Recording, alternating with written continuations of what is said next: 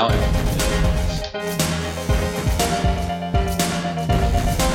Hej och varmt välkomna till ett nytt avsnitt av Travtjänstens podcast. Idag är det jag, Andreas Henriksson och P.A. Johansson som kör. Vi har dubbla V75 från Sundbyholm att gå igenom och eh, annat eh, smått och gott. Eh, så P.A. vi kör väl igång direkt och börjar med veckans tävling. Du har plockat ut en vinnare där. Mm, det var Tore Vattengård var faktiskt den enda som hittade. Nej, men igen! Ja, verkligen. Han, han är grym. Den hästen jag sökte den här veckan, det var tydligen svårt då. Det var Spoil Me, men, men Tore ringade in den och jättesnyggt så han har fått sitt pris. Och han behöver inte betala för några tips på ett tag framöver. Nej, verkligen. Vi måste nästan ha med honom i podden snart. Ja, precis. Vi får ta lite kontakt med honom så får vi se. Det vore ju skitkul. Jaha, har du någonting lite lättare åt oss den här veckan eller? Jag hoppas det. Eh, vi får se. Eh, jag söker en häst den här gången också. En svenskfödd storloppsvinnare. Tränades på Jägersro och vann ett aktuellt eh, storlopp. Bra, mejla in till kundtjänst travtjänsten.se. Som ni hör så finns det goda chanser att vinna. Det är inte bara Tore som ska vara med och kunna tävla tycker jag. Nej, precis. Vi kan väl ta jackpot den här veckan. Tre vinnare då. Och eftersom ja, men var... du ser. Japp. Perfekt. Eh, veckans snabba, ett svep från veckan vill mm. jag. Japp, vi hittar första V64-omgången från Halmstad. Heartbeat Julie och Frankie Godiva svarade för snygga Dödens Cross. Jonathan Carré vann åter ett sulklopp efter att ha serverat Amazing Lady ännu en fin resa. Ferrari Sisu spurt vann avslutningen knappt. Skrällen Anfin Passis var tvungen att släppa spets efter 600 meter men var starkast till slut efter attack från ryggledaren 350 kvar innan Judge D var överlägsen från spets. I inledningen från Jägersro i tisdags fick eh, Sten Hjule släppa spets eh, motvilligt trots att Inka Mira sig väldigt stänkrädd. Luckan kom först 100 kvar men hon hann fram. Rick Ebbinge har lärt sig springspåret. Han prickade föredömligt och vann från spets med Vinci QC. Det blev Ebbinge-seger även med Neo Turbo som Daisy Parling körde till spets efter 700 från bakspår. Primadonna Tile och Lorenzo Bocco vann båda täta slutstider efter attack på sista långsidan från tredje ut. Medan Tivols Castor vann trots kort startgalopp. Aragonas var fin då han vässade formen inför V75-finalerna på V86 i onsdags. Nurmos vann även med Exquisite Moi som var mäktig. Lite het och lite vinglig men ser väldigt stark ut. Stark var även Hunting Widow då hon vann från utvändigt ledaren och Independence Day kördes i spets som utlovat och höll undan. Innan V86 på Valla torskade Grislodin GL spelat till 1.17. Tjomsland missade starten, körde upp i döden så hästen blev trött. På Åby var Love No Pain åter riktigt fin. Laban Lager såg läcker ut trots låga rapporter och vann från ryggledaren. Det löste sig väldigt bra för Husse Boko som vann lätt medan Pave Tor spurt vann kallblodsloppet. Det var favoritbetonat på V64 från Gävle torsdags. Westholm vann en dubbel efter spets i långlopp. Har vi sett det förut? Med eh, eh, Haxo de Avenger vann, men han, ser, han, är, han är orytmisk men han ser urstark ut. Rule Control var åter på topp och bollade med konkurrenterna. Star On Your Marks vann ett, med väldigt knapp marginal men där sparade Kjellin Blom norsken kyligt. Herman Hesselar var starkast i spåren sista 700. Hermione svarade också för en vass avslutning medan Solhöjdens drake var minst en klass bättre än konkurrenterna i kallblodsloppet. Aetos Kronos comeback var huvudnumret på V64 på fredagen. Han gjorde ett vettigt lopp eh, från kön men såg lite seg ut och fick aldrig upp farten riktigt så han kom aldrig ikapp storskrällen Herakles som skentravade i spets. Larry Wood fick utdelning på formen, gick ett mycket starkt slutvarv då han vann finalen i Kalmar Travets fyraåringsserie. Finalen i treåringsserien vann, vann Platinum från utvändigt ledaren sedan Affair Day galopperat i spets 250 kvar. Från Örebro vann Combat Fighter i spets. North Dakota fick en perfekt ryggresa och vann lätt. Medan Maximisen var det bra efter attack i varvet kvar. Bra. Eh, ska vi stanna till någonting onsdagen kanske? Mm. Eh, vi pratade ju i podden förra veckan att Magnus Djuse hade flera heta chanser att man skulle kunna spela, att han skulle vinna minst två lopp. Och det gjorde han också, som du ja, säger precis. där. Aragonas såg ju fin ut. Eh, det var ingen ringrost där inte. Och eh, Excuse moi, det är ju en riktig häst alltså. Den ja. vinner alltså på 12 blankt full distans en novemberkväll. Mm, ja, den är häftig. Den blir, den blir rolig att följa för ja, men lär han sig att hantera sig själv liksom, så, så finns det jättemycket att ta ut ur. Mm. som du säger, springer och vinglar ut, vill springa hem i sista sväng i värmningen och, och, och allmänt liksom valpig fortfarande. Mm, mm, ja, det finns väldigt, väldigt fina resurser. Eh, tvåan där, Long Gone River, var ju också bra. Den är med på V75 på lördag. Väldigt bra förutsättningar Exakt. i Johan Jakobssons, noterade jag. Precis, så den eh, känns ju såklart högaktuell där. Mm. Eh, men eh, ja, Husse Boko fällde oss. Vi eh, räknade fel på honom. Vi trodde han skulle få långt fram där från tillägg, men nej, han, han var bara klassen bättre helt enkelt. Ja, det löste sig bra. Det var ju en del, en del galopper och så där så han kom fram fint. Och sen så, så är han ju, ja men det är ju en klasshäst. Han, även om han inte är på topp så plockar han ju fram det liksom. Och sen såg vi återigen på V86 eh, när alla hamnar på samma häst. Nu var det ju Candlewick eh, mm. som ju var snudd på jämnspelad med Laban Lagö på onsdag förmiddag.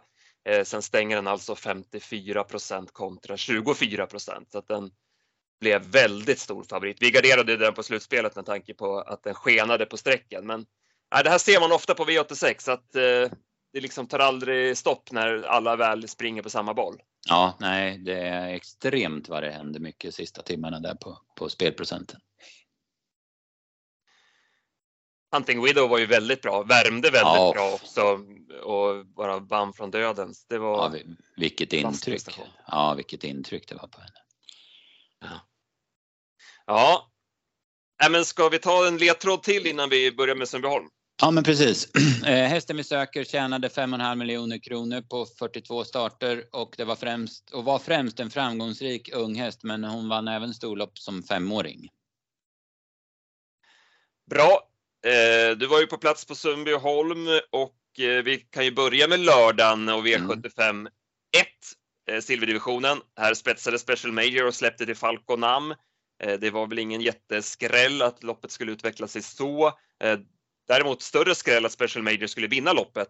Eh, fick luckan in på upploppet och eh, nöp LL Royal där Per Lennartsson körde schysst och höll sitt spår eh, ja. upploppet. Ja, han hade kunnat gjort en fuling.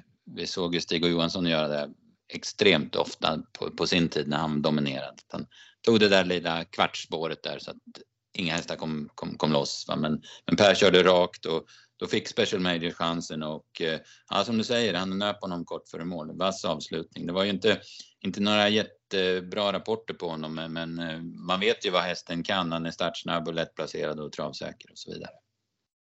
Mm, lite svagt av oss, för det fanns ju ändå ryggledaren i, i boken, att vi inte mm. fick med den när vi ändå garderade loppet. Eh, mm. Sidney Celeber körde fram i dödens, men var ju kall och slagen när den galopperade. Eh, vad säger vi i övrigt? Eh, Hipsteram såg ju väldigt fin ut. Ja, den, precis. Måste man ju såklart ta med sig. Ja, den såg ju dunderfin ut. Den värmde jättebra och ja, men för mig vart det klar första häst efter det intrycket. Men sen kom, fick den ju aldrig chansen från, från eh, tredje par invändigt. Alltså. Eh, Santos de Castella gör ett bra lopp, men han, eh, ja, men han kunde inte utmana El Royal och han visar ju att han, han är orutinerad att gå bakifrån och, och fortfarande, eller än så länge så är han inte alls lika bra bakifrån som i spets. Nej, exakt. Uh, nu fick han i alla fall det här loppet i kroppen då inför mm. finalerna. Japp. Uh, så det med spetsläge där så blir han ju givetvis aktuell när han får biken och hela, mm. hela det kittet. Ja, stämmer. Okej, vi går vidare till avdelning två. Här så fick Ballerina Indica ledningen lite turligt när Jean. Hill galopperade och ja, men sen höll hon undan för matchen som gick utvändigt. Ja, precis. Det, var, det såg ut som det var fördel matchen ja, men hel, från 600 kvar till 250 kvar ungefär. Men, så när han ryckte tussarna då fick han Jörgen S. Eriksson på Ballerina Indica. Då fick han väldigt bra svar och fick någon längd där och det, det räckte in i mål. Då. Eh, bra insats och hon vinner på 12,5 så att ja, hon gjorde det bra. Tears in Heaven såklart nästa gång är den med tanke på intrycket där. Ja jäklar vad han gick och speciellt eh, sista biten hur han, han, han har ju lite trögt att få upp farten men eh, typ sista 50 går han ju otroligt bra. Vi går vidare till eh, Hidalgo Heldia som bara var överlägsen. Eh, fick grepp på Castor de Star direkt och körde sig till ledningen och sen var han ju ensam på banan, vann ju väldigt lätt före behind bars. Ja, precis. Han, eh, Jörgen gav ju upp den där spetsstriden direkt när han såg att Hidalgo hade ja, men nästan en halv längd. Då förstod han ju att Jorma aldrig skulle ge sig, så det var lika bra att släppa. Och tur var väl det, för, för Castor kunde ju inte hänga på i ryggen då. Men nej, jäkla intryck på Hidalgo Heldi alltså. Eh, han, han vinner på 11 och 4 och ja, ser ju inte direkt plågad ut heller. Så att han är otroligt effektiv i ledningen. Versace Face eh, skulle ju ha det här loppet inför finalerna och han var lite småtung och sådär men han gick ju bra upploppet ner och ja, med, den här, med det här loppet i kroppen så blir han ju såklart att räkna med eh, på Solvalla. Ja, jag tänkte det också när, när jag kollade på det om igen igår morse att den där blir högintressant i finalerna. Han är ju lite, har blivit lite rappare också. Han var ju med hyggligt från start även om han blev hängande då. Så att, eh, sen gör ju Behind Bars ett bra lopp också. Han, han spurtar ju bra och är ganska nära i mål. Men det här loppet, precis som många andra, visar ju hur ja, men helt iskallt det var att sitta typ tredje, fjärde, femte ut eller invändigt i kön. Det var ju helt omöjligt att ta någonting i spåren alltså. Sen vann hon igen, Margareta Thoma. Vad var det du sa? Hon har 100 raka eller något sånt där. Ja, precis. La till en till seger nu då. Var ju bara bäst utvändigt om 50 cent piece. Ja, precis. när, när Örjan medvetet börjar trycka 750 kvar på ledaren då, då, vet man att det finns mycket att åka med i alla fall. Så sen, sen sa han ju efteråt att han, hade, han kände sig rätt trygg hela sista 500. Så hon är ruskigt bra för 50 Cent Piece var bra den här gången. Det var ett, ett helt annat tryck i hennes agerande även jämfört med, med segern senast på Bergsåker tycker jag. Hon var, jag tyckte hon var jättefin men det fanns inte att hon kunde stå emot Margareta till slut. Vi hade ju fått bra rapporter från Andreas Lövdahl på Hobokenham inför hennes comeback och äh, men Lövdahl var rätt på det. Hon var riktigt bra som trea. Ja, det här var ju bästa loppet. Hon, hon vann ju kvalet i derbystoet i fjol men, men annars så fungerar hon ju inte alls i år. Så, eller då, så att det här var ju bästa loppet sedan treårssäsongen, tveklöst. Sen fick vi en stor skräll i gulddivisionen. Eh, Brother Bill som tjatet har varit hela veckan om innerspår på Sundbyholm. Här visade det sig återigen hur svårt det är. Han blev över från början och sen blev han, eh, satt han fast där i säcken i tredje in. Ja, precis. Ulf Olsson eh, hade ett mission första 200 och det var att hålla fast Brother Bill. Och det gjorde han ju snyggt då och det betalade sig även till slut då, då han eh, kunde vinna loppet. Eh, sen är Brother Bill på väg att få lucka 300 kvar. Då har ju Olsson en hjälpryttare, Svante Erikssons andra häst, Selected News som Jorma kör. Han täpper till den luckan då så att då hinner ju Brother Bill inte få luckan förrän det är alldeles för sent. Då. Men, men hatten av till Phoenix Foot, han gör ju ett jäkla bra lopp. Jag hade ja, men 8-8 sista 800. Han gör det ju faktiskt själv i spåren. Det var väl den enda på, på hela dagen som gjorde det. Eh, och plockade ner Missile Hill eh, sista biten. Så att, mycket bra insats av den här eh, knappa 2 procenten. Ja.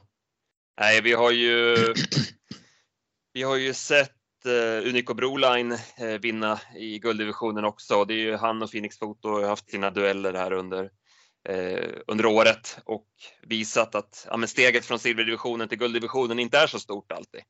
Nej, precis. De har ju verkligen, och det har ju varit, men det har ju varit två ruskigt bra silverhästar också, men, men de har ju tagit det direkt. Han var ju han var ju med och fightades även i Norrbottens stora pris där Phoenix. Så han har ju gått lite guld tidigare.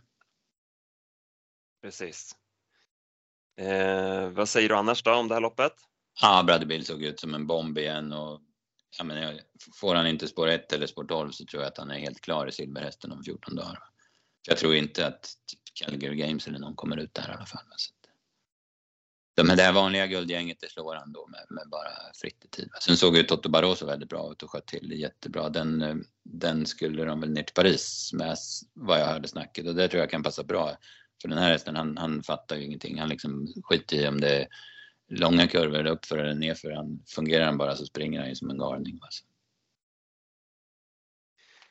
Eh, vi går till eh, Diamantstoloppet och eh, ja, Twilight Angels kördes i ledningen, Minst det Imperatis utvändigt. Eh, sen kopplade favoriten greppet, men hon fick ge sig på linjen för Katrin SO som vi hade bra skrällfeeling för. Och, ja, det var en skön injobbning där för vår del. Ja, precis. Miss Imperatis eh, fungerar ju inte i värmningen. Hon galopperade två gånger, var otroligt rullig då och sen ja, men så kom hon ut i loppet och galopperade även i två provstarter även om det såg bättre ut då. Sen kör ju Erik Adielsson på extrem säkerhet hela loppet. Ni ser ju det, han går ju inte ens fram och testar. Jorma hade ju säkert släppt ledningen med, med Twilight Angel om, om hon hade kommit, för han vet ju Imperatrice kapacitet. Men, men eh, han, var, han var så mån om att köra fel för Erik Adielsson så han inte ens provar. Sen är hon ju, håller hon ju på att vinna ändå. Då, så att, eh, bra kuskprestation och bra inställning på hästen, men hon var inte bra för dagen. Alltså, sen Katarina så han är ju kall där, Marcus, som, eh, som eh, sparar tussarna till 100 kvar och sen liksom jufflar han in henne precis i sista steget och det var ju jäkligt skönt eftersom jag då som var på plats och gjorde värmningstips och slutspel hade dissat med Simpratrice totalt efter den där värmningen. Så det hade ju varit jobbigt att få den. Men nu vart det halleluja istället. Ännu bättre blev det i avslutningen där vår idé Pure Muscle vann. Eh, kom till ledningen när Marlon Boko snubblade till lite grann strax efter start och eh, ja, men sen lunkar han undan och håller undan för en starkt avslutande Declan. Ja, han är ju skön den här hästen. Alltså, han ser ju seg ut och man tror ju det, det är liksom, man skulle inte bli förvånad när man ser loppet 200 kvar om man skulle stanna och bli sjua. Men, nej, men han bara länger på sig. Örjan sitter och metar lite grann och han håller huvudet först. Och även om Declan går jäkligt bra till slut så, så är han först i mål, alltså Pure Master. Men man måste verkligen gilla den här hästen. Mm. El Jetpack eh, fram utvändigt ledaren men var ju stum eh, till slut. Vad tyckte du om hans insats? Ja, det var väl kanske lite besviken. Man kanske hade förväntat sig att de skulle vara ännu lite bättre men samtidigt är det att kräva jäkligt mycket. Eh, det går ju 13 blankt, alltså på Pure går 13 blankt spets och att han ska slå den från dödens, det är ju tufft. Men Declan var ju verkligen det positiva i loppet och sen satt ju Marlon Boko fast med allt sparat och han, som du sa, han hoppade ju två steg där när han var på väg att hålla upp ledningen. Får ryggledaren istället då. Så det, det, var ju helt avgörande som det kändes, den, de där galoppstegen där. Mm, så var det ju.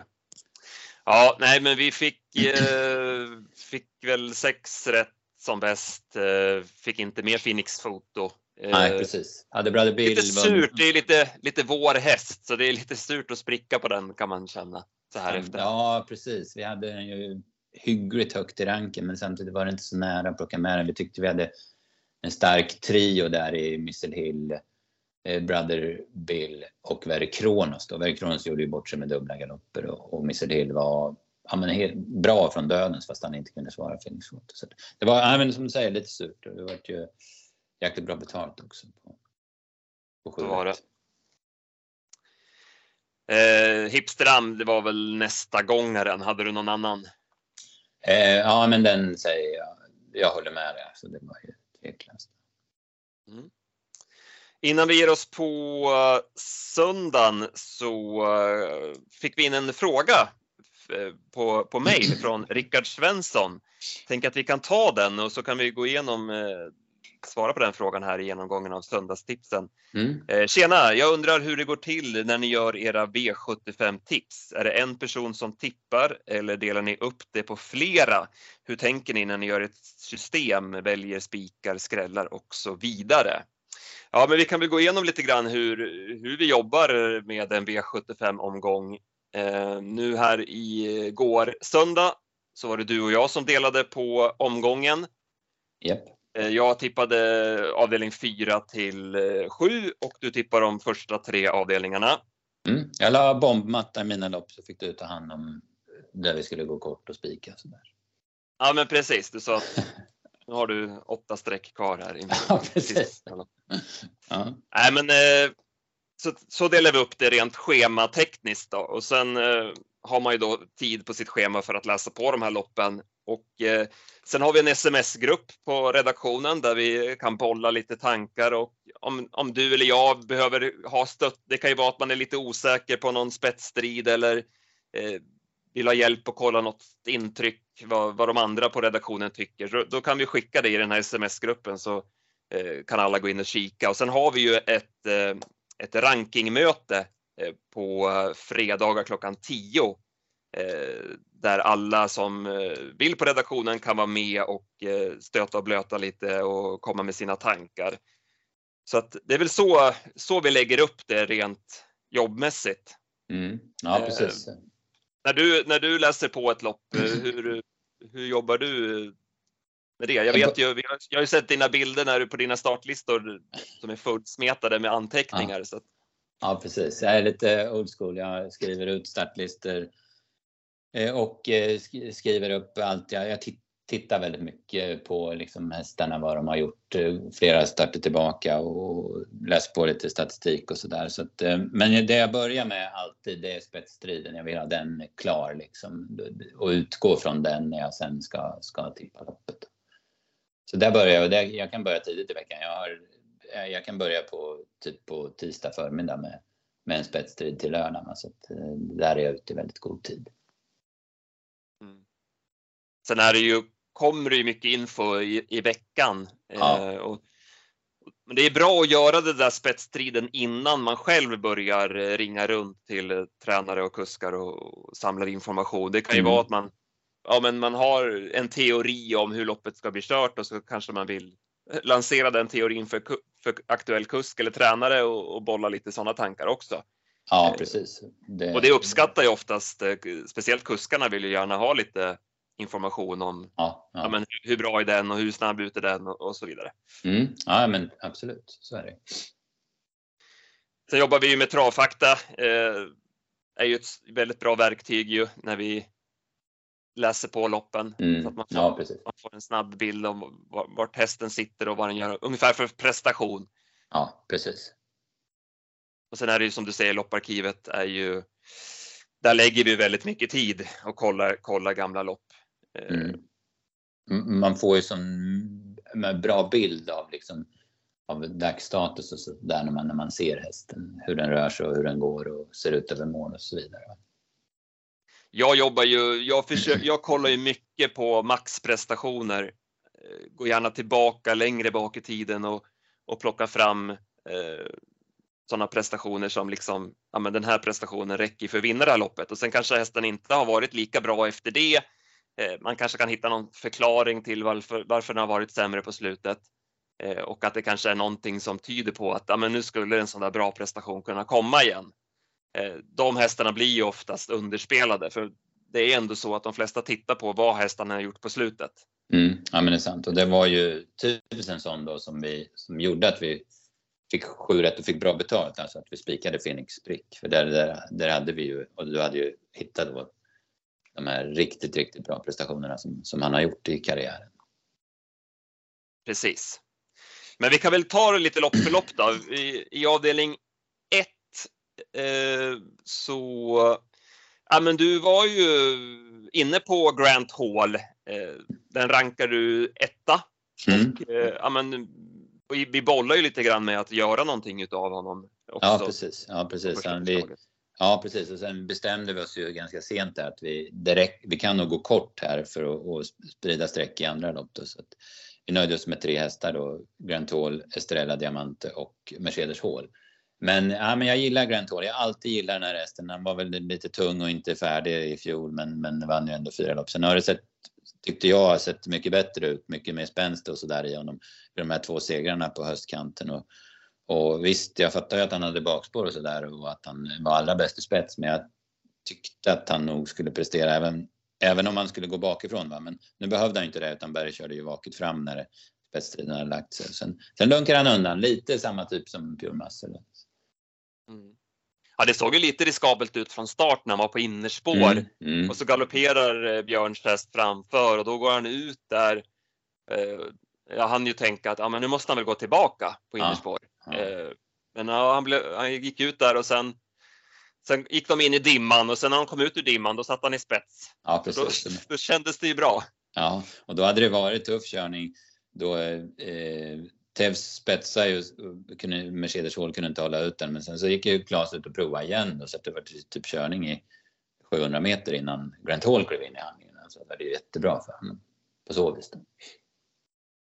Eh, Django Silver, eh, han är ju speciell och springer och eh, hänger lite och töm och, och sådär men det finns jäkligt bra styrka och kapacitet i honom. Ja, verkligen. Jag tyckte han värmde mycket bättre igår då än han gjorde när han var tvåa gången innan. Då. Så man fick ju lite, lite farhågor för honom då efter värmningen. Han går ju sylvast mellan hästar sista biten. Så gör ju Wingate Leif ett jäkla bra lopp som trea också. Eh, sen går vi till V75 2. och eh, kullens drottning eh, befäste sin position som etta i kullen när hon eh, spetsvann Lara Boko. Nu har hon ju även utvecklat sin startsnabbhet och tog enkelt ledningen och så vinner hon på, var det 10-8? 10-8, ja men det, hon öppnar 11 blank första varv och avslutar 9 sista 800. Det, ja, men det är helt brutala siffror alltså. Hon bara springer och joggar ja. känns det som. Ja, då gav ju verkligen Glamorous Rain chansen från ryggledaren då. Även om hon går jättebra så är hon chanslös att liksom utmana. Hon är väl tvåa bakom Francesco Zet eh, om hon är med i det loppet? Ja, det tror jag. Det är jag övertygad om. Mm. Vi provade ju att eh, gardera här. Du, ja, men, du spekulerar ja. lite grann i att om hon skulle få svar om ledningen och lite sådär. Precis. Jag hade ju förhoppningar om att Great Skills skulle hålla ut henne som hon gjorde i Storchampionatet då. Men nu höll ju Great Skills på att galoppera så att hon, det gick inte att öppna alls med henne och då, då var ju den eh, teorin körd och sen så, så var det kanske dumt. Det kanske var dumt att tänka att hon hade väl vunnit från döden som det såg ut. Men ja, man måste ju prova någonstans i alla fall. Ja, men det var ju så med tanke på att vi spikade Francesco Zet så eh, ville vi prova gardera Laraboko för att få potential i systemet. Hade det varit mm. en annan, annan omgång med liksom mer öppna lopp i, i, så hade vi såklart kunnat tänkt annorlunda här och, och, mm. och spikat mm. henne med tanke på att hon hade väldigt hög vinstchans. Men, ja, men nu provade vi att gardera och eh, ja, det är som det Ja, enkelt. precis. Avdelning 3 då, här var ju verkligen ett skrällopp eh, med tanke på att favoriterna hade lite vingliga lägen och ett, så, sådana här storlopp med, med, brukar det kunna skrälla i och eh, det blev också skräll. Eh, Melby Ivy vann loppet för Solar Wind och Make It A Star. Det var tre, tre jättesmällar som var 1, 2 och 3. Ja, precis. Ja, det var, um det var, det var jättesvårt det här loppet. Jag hade, jag hade otroligt svårt att bestämma vad jag skulle göra. Jag tänkte ju direkt att här måste jag ha jättemånga hästar. Melby Ivy var, det var givet att sträcka. Vi hade den ganska långt ner i ranken. Men det var givet att sträcka henne. Hon, hon har ju lyft sig så enormt i Evelina Månssons regi och varit faktiskt riktigt bra varje gång på slutet. Och sen är ju Dwight Peters, ja, men jag gillar honom mer och mer som kusk. Jag tycker det är en jäkla kusk. Hon prickar in springspåret eh, jättebra även precis som i lördags då med Special Major och sen Ja, men så tyckte han att han ville ge henne chansen och gick 700 kvar då. Det visade sig rätt. Då. Så att, ja, det var ju en bra vinst. Det var ju bra för skrän här. Ja, så det var ju ändå en, en bra start då. Mm. Eh, skräll där då. Yep. Eh, sen krånglade vi inte till det i eh, Francesco Zet-loppet utan han var ju given att spika trots den höga procenten. Och eh, ja, men nu var han ju mycket finare innan loppet och så där. Det var inga, mm. han höll inte på, nu var han nästan lite väl vast istället, men, men han höll ja. inte på att galoppera och, och så där utan eh, Nej, precis. Han såg han, väldigt fin ut. Ja, han, vä han värmde samtidigt som det var invigning tror jag, så det var barn med flaggor och en massa grejer på banan och då var han ju otroligt fokuserad utav det. Han var ju liksom ja, man tyckte det var fränt med allt som rörde sig omkring sig så att han hade ju inte en tanke på att galoppera i värmning. Daniel körde en vanlig värmning med honom, alltså i rätvarv och körde lite fortare över upplopp och det såg ju ja, men helt kanon ut. Va? Så då... Men sen var han som du säger, han var lite vass bitvis i provstart och upp till bilen och sådär. Men, men sen är han ju en maskin i loppen. Så den där striken han har med först, först kriteriet och sen British Crown som treåring och sen hela paketet som fyraåring. Kungapokalen, Sprintermästaren, derbyt och British Crown. Det kommer vi aldrig uppleva, få uppleva igen. Det tror inte jag att någon häst gör det. Alltså. Nej, mäktigt. Otroligt. Otroligt mm. vasst. Mm. Eh, jag var lite sur på mig själv här att man inte spelade komben med Sorir Frö med tanke för jag skrev det i analysen att ja, men komben med Karate River den kommer inte gå att spela för den kommer stå i lågt odds. Eh, så att jag rekade inte den. Men jag skulle ha tänkt ett varv till med tanke efter strykningen på Isna Godam.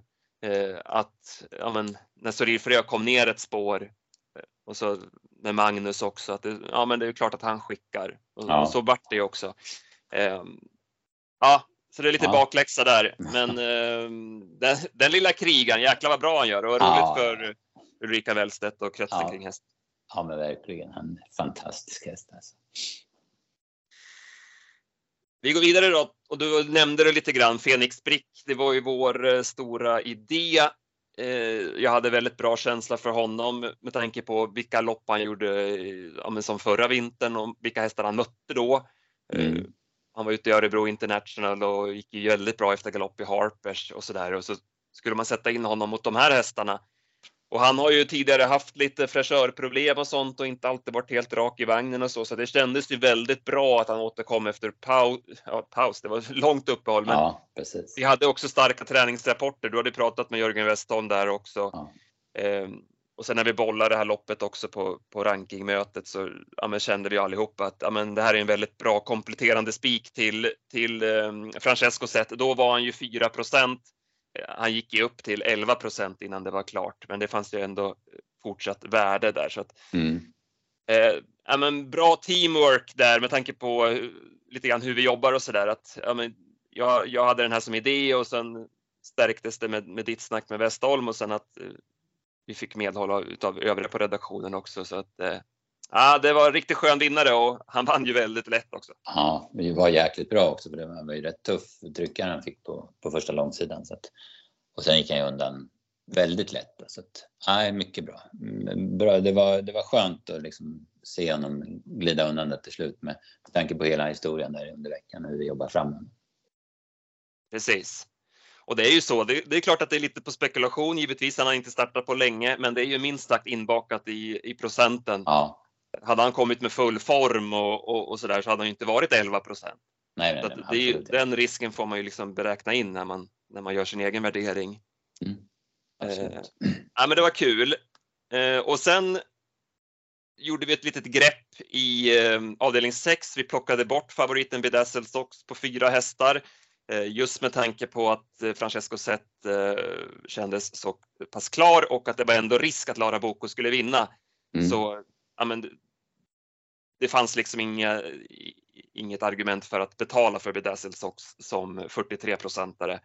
Eh, nu gick han ju väldigt bra, men lite grann som vi var inne på att ja, men det fanns ändå lite vingelrisk med tanke på ja. att han har varit så vass upp till bilen och sådär. Och... Mm. Ja, men precis. Ju rätt så sätt då. Ja, precis. Man tog sig inte köra någonting med honom från start utan bara ta position. Sen fick han, fick han ju göra jobbet alltså. Fick ju gå på tidigt i fjärde spår också. Han, som du säger, han går ju jättebra till slut men, men eh, chanslös att utmana. Var en väldigt bra vinnare här. Blixtsnabb från start. Här var alla spekulationer om spår 1 på Sundbyholm kom på skam för han var blixtsnabb till ledningen, Densebrod. Och sen fick han bestämma lite grann och så vann han med, med krafter kvar.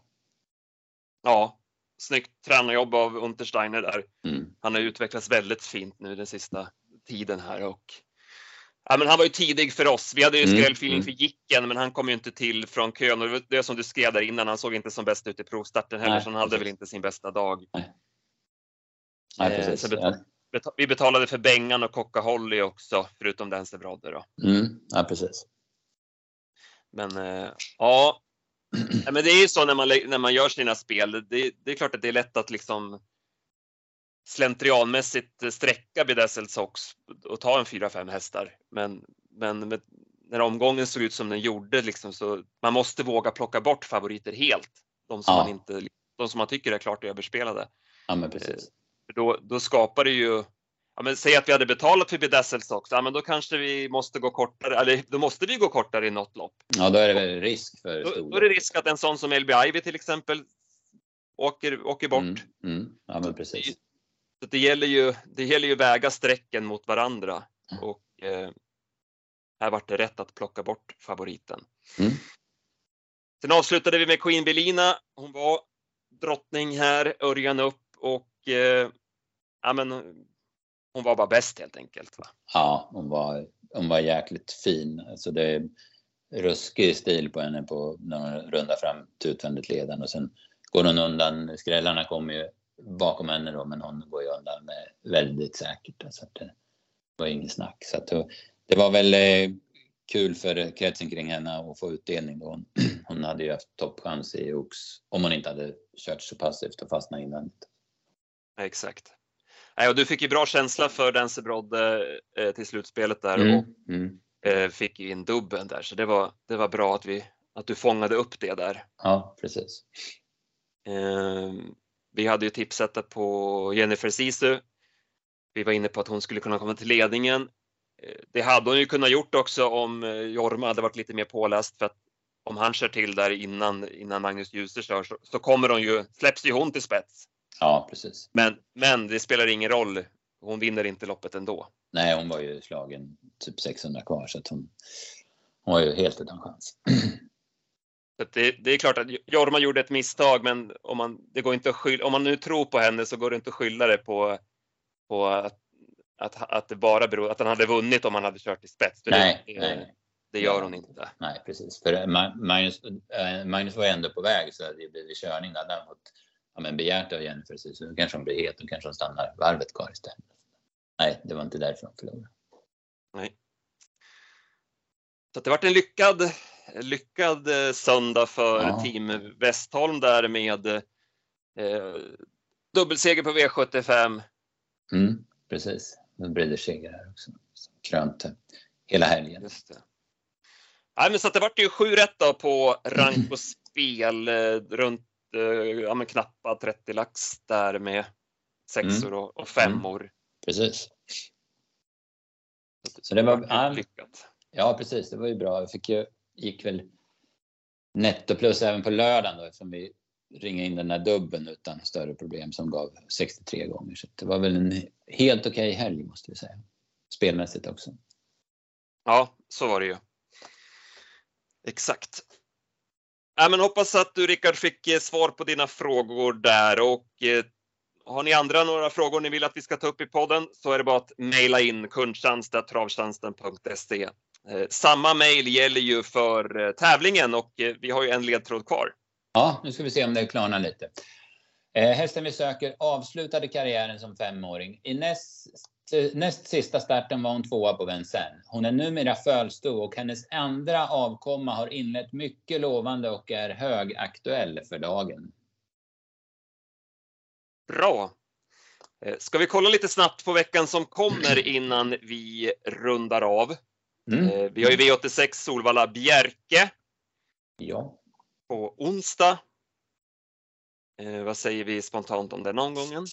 Ja, jag har inte tittat så mycket på Bjerkeloppen. En häst som jag bara noterade var med där, det var High Flyer i första avdelningen. Men jag ser ju att han har inte startat på en dryg månad. Han visade ruskigt bra form i de där senaste starterna han gjorde i Sverige. Då. Så den fick jag, ja men så där kände jag för direkt. Men jag kan ju inte alls dagsform, det måste jag kolla upp. Men däremot har jag tittat lite mer på, på Valla-loppen och jag pratade med Patrik Fernlund på på Sundbyholm i helgen och han lät riktigt uppåt på Häfneram och skulle han fungera och det löser sig så borde han väl ha jättechans att vinna där, avdelning 4 tycker jag. Mm. Ja, Seolit ska ut igen. Han kördes ju minst sagt tufft efter galoppen senast. Mm, och hoppa till slut igen då. Så att, mm. Ja, så ut igen. Ja, tuff, tuffa bud. Japp, japp.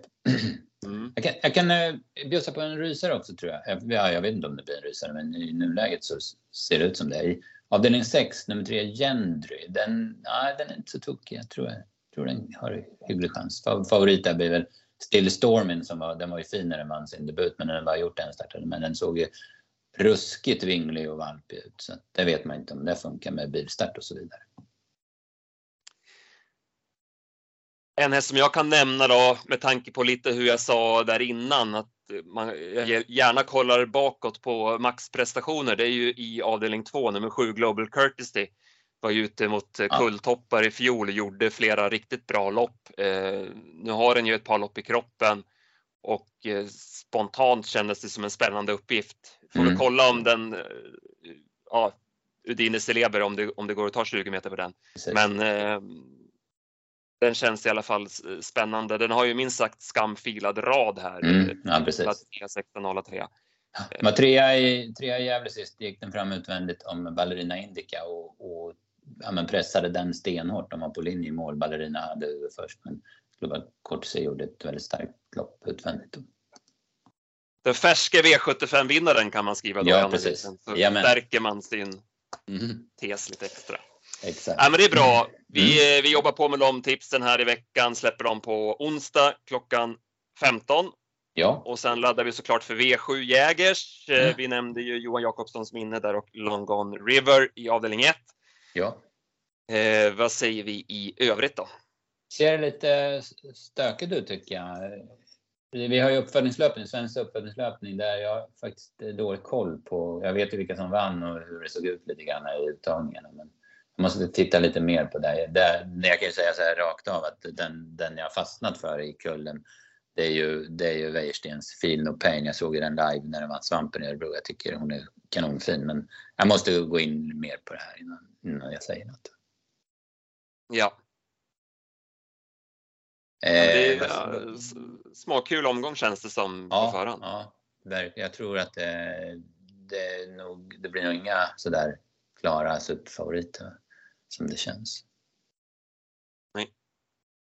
Laradja Vrajtot från bakspår. Ja, nu funkar han ju faktiskt bakifrån i, i, på Bjerke då, och gick bra till slut då, men han fick bakspår i alla fall. Mm. Four Guys Dream, gick inte han väldigt bra i comebacken? Ja, oh, han spurtade bra, så det, absolut. Det.